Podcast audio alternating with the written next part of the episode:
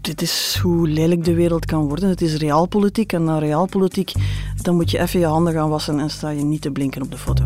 Ik zou graag willen weten wat de rol van de politiek was bij de vrijlating van Olivier van de Kastelen. Bij het Nieuwsblad in Antwerpen zullen ze daar wel een duidelijk punt over kunnen maken. Is checken bij de hoofdredacteur Liesbeth van Impe. Dag Liesbeth. Dag Jeroen. En bij chef politiek Hannes Heindriks. Dag Hannes. Dag Jeroen. Ik ben Jeroen Roppe. Dit is de politieke podcast van het Nieuwsblad. Het punt van Van Impe.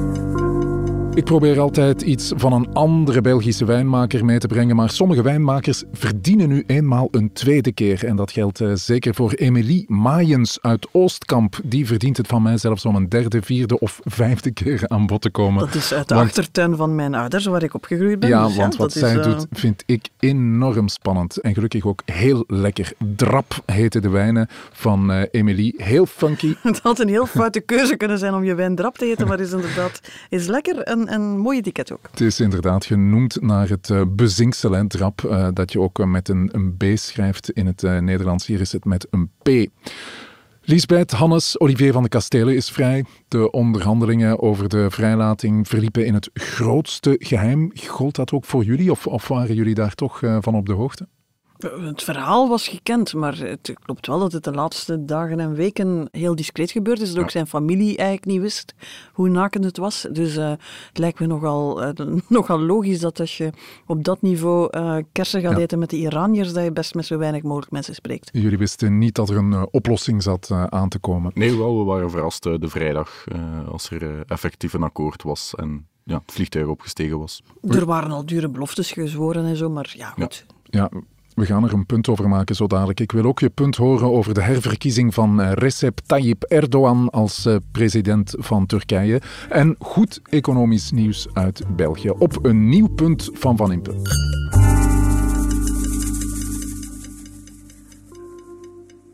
Op dit moment is onze landgenoot Olivier van de Kastelen onderweg naar België.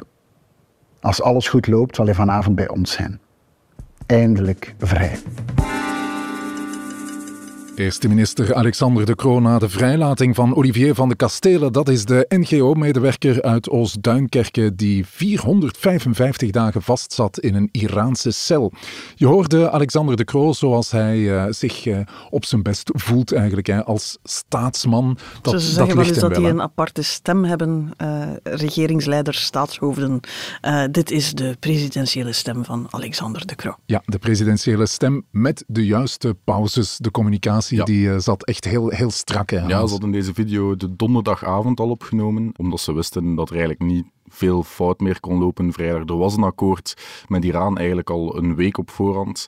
Uh, enkel, ja, de, het moest nog uitgevoerd worden en dat is die vrijdag ook gebeurd. Ja, maar uit jouw reconstructie heb ik wel geleerd dat het nog spannend was tot ja, het, tot laatste, het laatste moment. Ja. Omdat de, de, ja, om, de Iranier die, ja. die wij hadden veel vroeger vertrokken en uit de gevangenis gehaald is. Dus die deal is gebeurd in, in Oman, uh, dus die overlevering. Ja. vanuit België naar Oman is het uh, 8 à 9 uur vliegen. Vanuit Iran 1 à 2 uur. Dus de terroristen die wij hier hadden zitten, is inderdaad veel vroeger vertrokken. Dus het was nog even bang afwachten of dat Olivier van de Kasteel daar effectief wel ging zijn.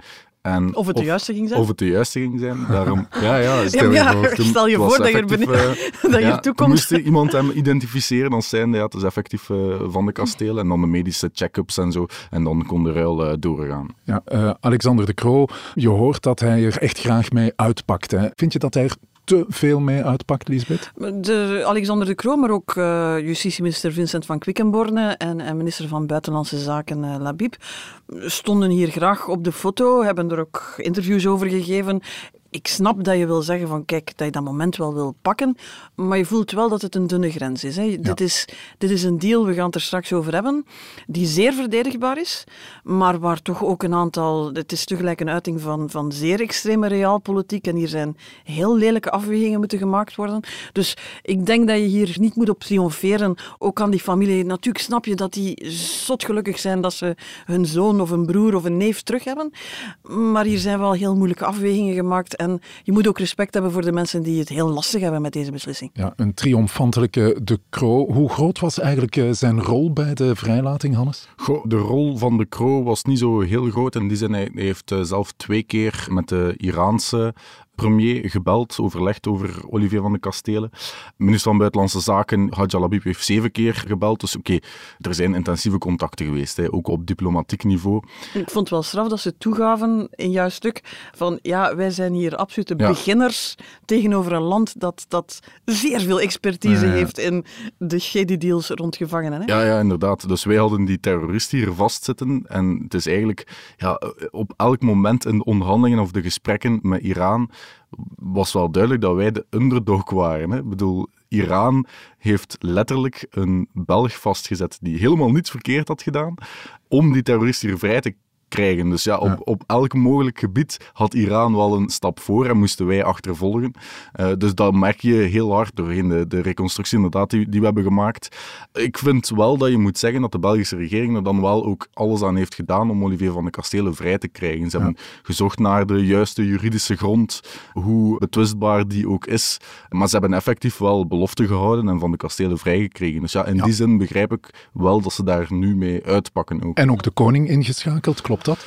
De koning is niet rechtstreeks ingeschakeld. In die zin, hij heeft zelf geen telefoons gedaan naar Iran bijvoorbeeld of zo. Wat wel het geval is, is dat Oman, dus het land waar de uitwisseling is gebeurd, dat we daar heel goede contacten mee hebben, omdat wij een koninkrijk zijn. En zij zijn een sultanaat en dat is ongeveer hetzelfde. Ja, inderdaad. Ja, dat schept een beetje een, een, een, band, hoe gek dat ook kan zijn. Maar in de ogen van zulke uh, landen is het feit dat wij hier een ceremoniële koning hebben die boven alle andere mensen staat, zogezegd, uh, wel heel belangrijk. Dus in die zin is er wel uh, een rol gespeeld, maar niet echt rechtstreeks. Ja, de oppositie bij ons, Lisbeth, en zeker de oppositie in Iran, spreekt schande eigenlijk hè, over deze deal. Het is een capitulatie voor een terroristisch regime. Zie jij het ook zo? ik denk onze eigen oppositie, ik denk dat we daar heel hard in het spel van meerderheid en oppositie zitten.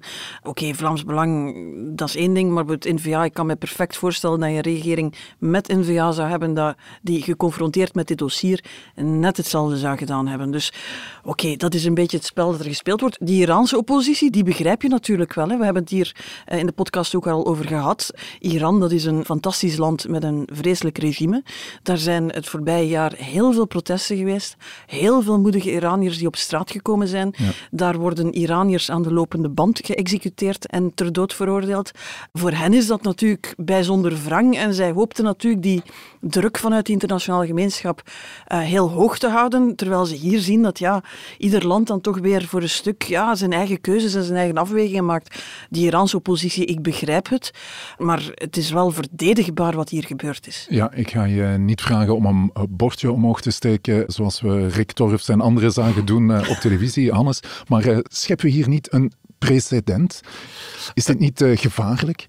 Uh, je bedoelt dan voor de Belgen die daar nog zitten, bijvoorbeeld. Ja, er zitten nog 200 uh, Belgen daar effectief in Iran. Het zet natuurlijk de deur een klein beetje meer open naar, ja, we gaan hier terug Belgen oppakken en ja, we kunnen België toch chanteren.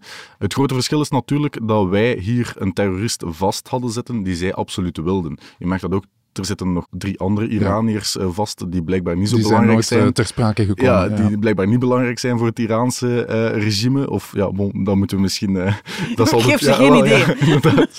Ja, hopelijk luisteren ze niet. Um, maar um, ja, dat is toch wel een, een, een wezenlijk verschil. zij hebben iemand opgepakt om een één-op-één ruil te kunnen organiseren.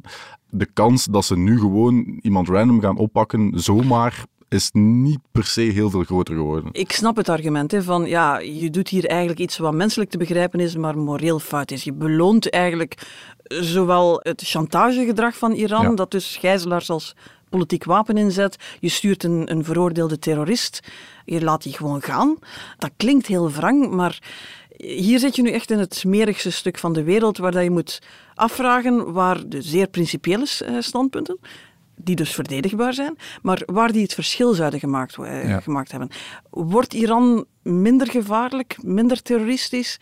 Een, een vredelievende natie als Assadi hier nog een tijdje in de cel blijft zitten, want de man zou ooit wel weer vrijkomen. Hij zat al vijf jaar in de cel. Hij was veroordeeld voor twintig jaar, dus geef dat nog een, tijd. maanden uh, vrij Ja, ik weet niet of dat een paar maanden lijkt mij nogal voluntaristisch gerekend. Maar goed, um, die, die, komt ooit weer vrij. En het is niet dat Iran met of zonder Assadi dat dat daarmee staat of valt. Het winkeltje dat zij hebben met gijzelaars en heel vuile onderhandelingen op wereldniveau, dat houden ze al een paar decennia Hm. open. Dat staat of valt ook niet met die ene case. Dus dan moet je zeggen, het enige waar je hier eigenlijk iets echt kan veranderen, is de toekomst, het leven van Olivier van de Kastelen. Dat Ja. kon je ingrijpend veranderen. Daar is binair. Ofwel zit hij daar weg te rotten in een cel, ofwel is hij hier vrij. Dat is hetgene waar je echt impact kan op hebben. Dus in die zin vind ik het een te verdedigen optie om Ja. hem terug te halen. Een pleidooi voor pragmatisme, dat is het eh, eerste punt. hè. De regering deed eigenlijk eh, haar job, maar er zit wel een eh, heel wrange smaak aan. Dit is hoe lelijk de wereld kan worden. Het is realpolitiek en na realpolitiek dan moet je even je handen gaan wassen en sta je niet te blinken op de foto. Het punt van Van Impe.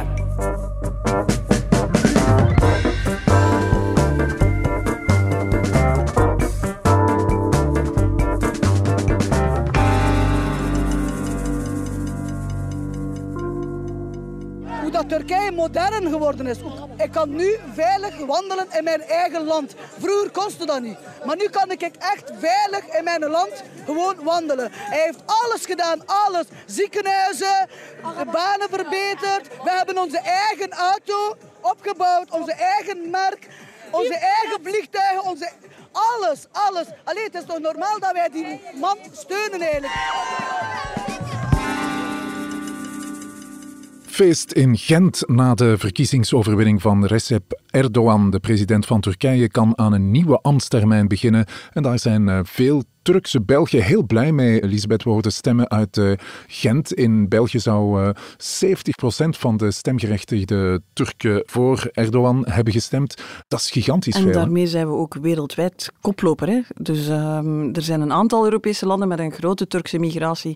Eh, Duitsland, eh, Denemarken, Nederland, waar effectief Erdogan meer dan de helft van de stemmen haalt. Ja. Eh, maar nergens die 72% die hij Ja. in België zou halen. En als je naar de rest van de wereld kijkt, dan is de steun van Erdogan bij gemigreerde Turken, eh, zie je die in, in, in de Maghreb, Saoedi-Arabië. Maar De rest van de wereld heeft voor gelijk wie anders gestemd. Ja, ongeveer. bijzonder veel eh, steun in België voor Erdogan. Hoe verklaar je dat, Hannes? Ik was eh, op het moment dat de verkiezingsuitslagen binnenkwamen een kebab aan het eten in, eh, in Lokeren. Goed getimed, ja, goed een getimed. favoriete kebabwinkel, zoals ik elk eh, weekend doe trouwens. Maar zwart, dat uh, geheel terzijde. Maar daar waren ze dus ook fel aan het supporteren voor Erdogan. Ik heb het zelfs eens gevraagd en eh, het antwoord was van ja, eh, Erdogan die geeft onze nationale trots, een soort nationaliteitsgevoel, daar hangen ook overal Turkse vlaggen. Blijkbaar is dat wel een van de voornaamste argumenten waarom dat zoveel Belgen hier op Erdogan stemmen. Eh, ook voornamelijk eh, oudere Turken die nog een sterke band hebben met hun vaderland. Uh, en daar komt bij de economische situatie in Turkije ook. Ja, dat komt erbij, maar ja, Turkije doet heel grote inspanningen om die link met die diaspora ook te behouden. Ja. En dat lukt nu wel zeer goed in België. Ja. Dat wordt ook steeds vaker geproblematiseerd. Hè. Ik bedoel, we weten dat de Belgische Turken die gaan stemmen zijn, zijn vaak ook de meer religieuze Turken, die heel hard opgeroepen worden vanuit de Dianet-moskeeën, zoals die Ja. genoemd worden, gefinancierd vanuit Turkije. Daar worden trouwens terecht meer en meer vragen bij gesteld, of dat eigenlijk wel zo gezond is om zoveel ruimte daar te geven aan een buitenlandse mogendheid en of Ja. dat we dan niet beter ja, zorgen dat dat, dat meer eh, vanuit België en Vlaanderen gefinancierde moskeeën worden. Dus dat religieus aspect speelt zeker mee, want, want dat is een van de kaarten die Erdogan trekt. En we hebben ook een vrij oude Turkse migratie, die is al lang bezig. Ga in Ierland kijken, daar lopen ook veel Turken rond, maar die werken bij Google en die, zijn, ja, die komen uit de steden, Ja. die komen uit Istanbul. Onze Turken, zal ik maar zeggen, komen oorspronkelijk uit dat Turkse binnenland, dat ook overweldigend voor voor Erdogan gestemd heeft. Dus ja, hij is hun kandidaat.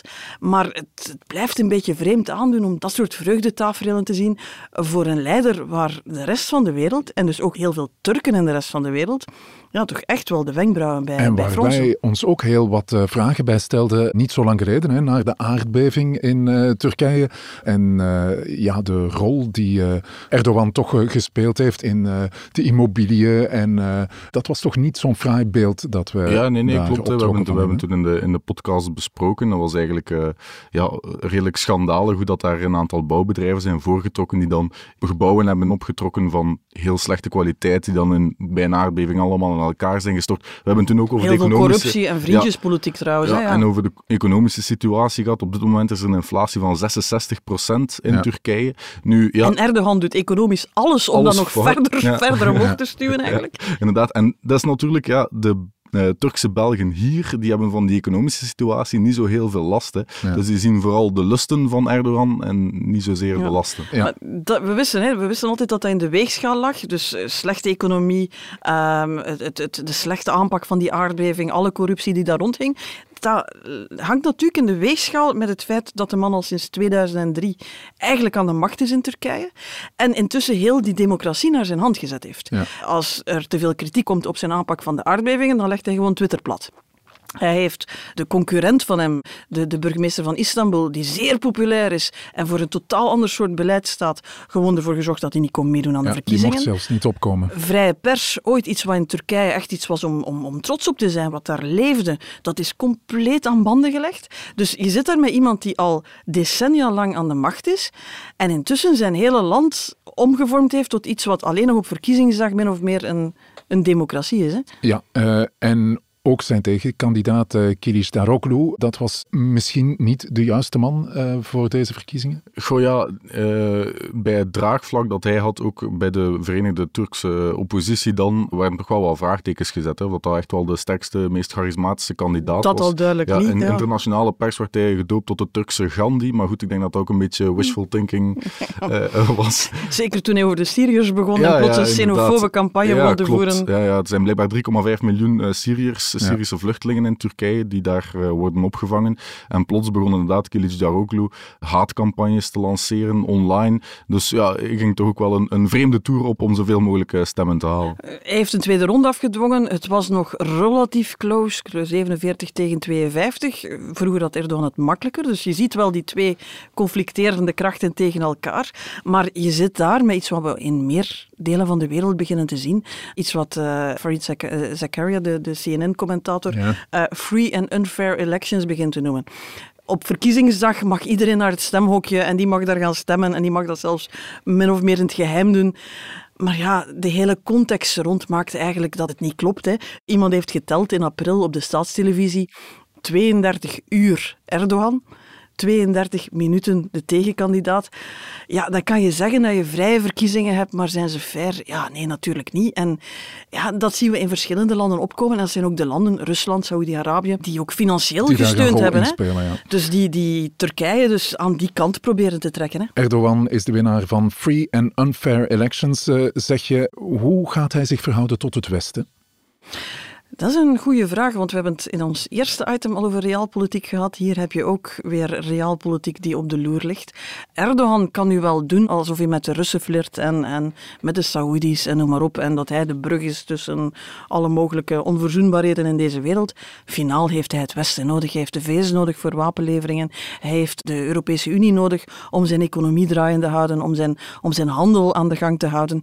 Dus hij zal altijd terugkijken naar dat Westen, maar hij is niet van plan om dat te doen op een uh, makkelijke, volgzame manier. En je ziet vanuit het Westen dat je daar... Je zag het, hè, ik weet niet of dat iemand dat gezien heeft. Tot aan het omroepen van de verkiezingsuitslag zat iedereen te hopen dat het niet Erdogan zou zijn. En toen kwam de verkiezingsuitslag en binnen de kortste keren Biden, Europese leiders, tweets... Ah, proficiat. Felicitaties. Dat is realpolitiek op Twitter. We gaan met Erdogan nog vijf jaar verder moeten gaan. En het zal voor de Turken die in Turkije wonen voor velen geen goede zaak zijn. De verdere uitholling van de rechtsstaat, de verdere aanval op het om, al bijna onbestaande LGBTQ-rechten op vrouwen, noem het maar op. Je wil vandaag niet in Turkije onder Erdogan wonen als je ook maar enigszins afwijkt van zijn norm. Maar vanuit het Westen kan je eigenlijk alleen maar die banden blijven aanhalen en hopen dat hij niet helemaal aan de verkeerde kant valt. Dat is eigenlijk ja, realpolitiek waar weinig eer van te halen is, maar er is geen andere optie. Het punt van Van Impe.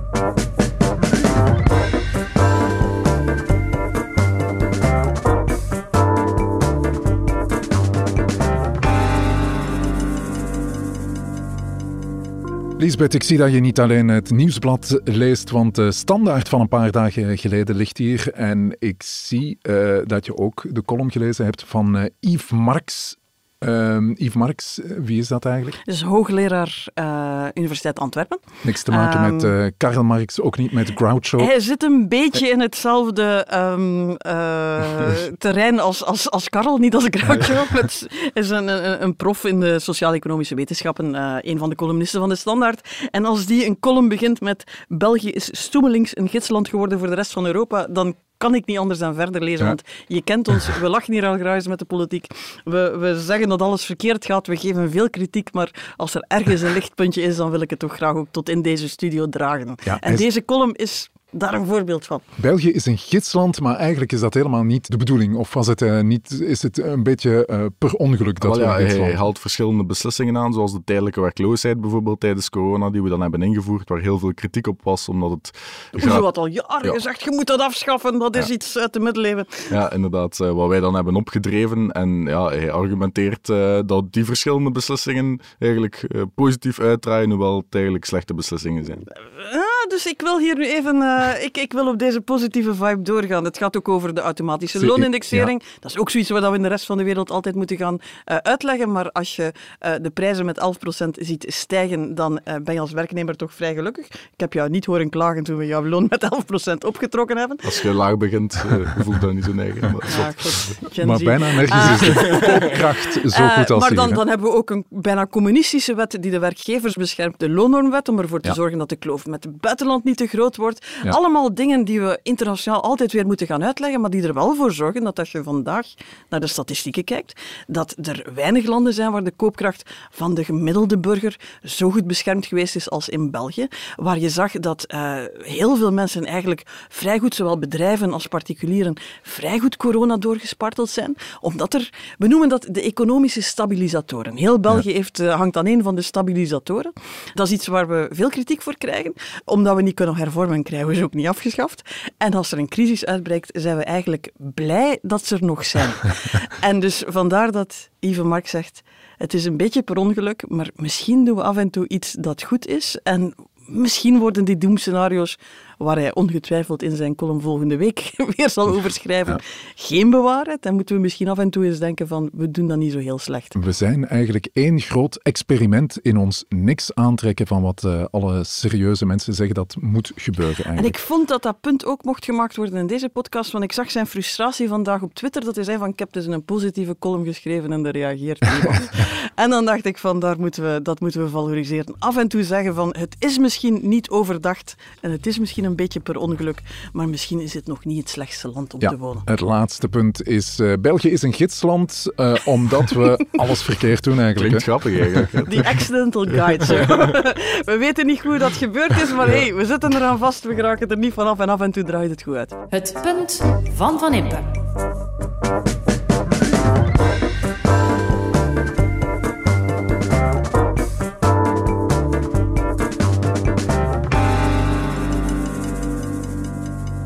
En we dronken er toch maar een uh, hele goede drap bij. Een self-care, zo heet uh, deze drap, het wijnlabel van Emilie Maaiens. We hadden er al iets uh, ciderachtigs van gedronken, maar dit is pure wijn, ongefilterd. Een mooier wijnetiket bestaat er trouwens niet. Hè? Nee, Fantastisch vind, mooi. Echt mooi. Ja, van en mij mag ze... Dooskamp. Fantastisch. Ja, van mij mag ze nog vaak langskomen. Dankjewel Hannes, dankjewel Liesbeth. Ik ben ermee weg. Tot volgende week.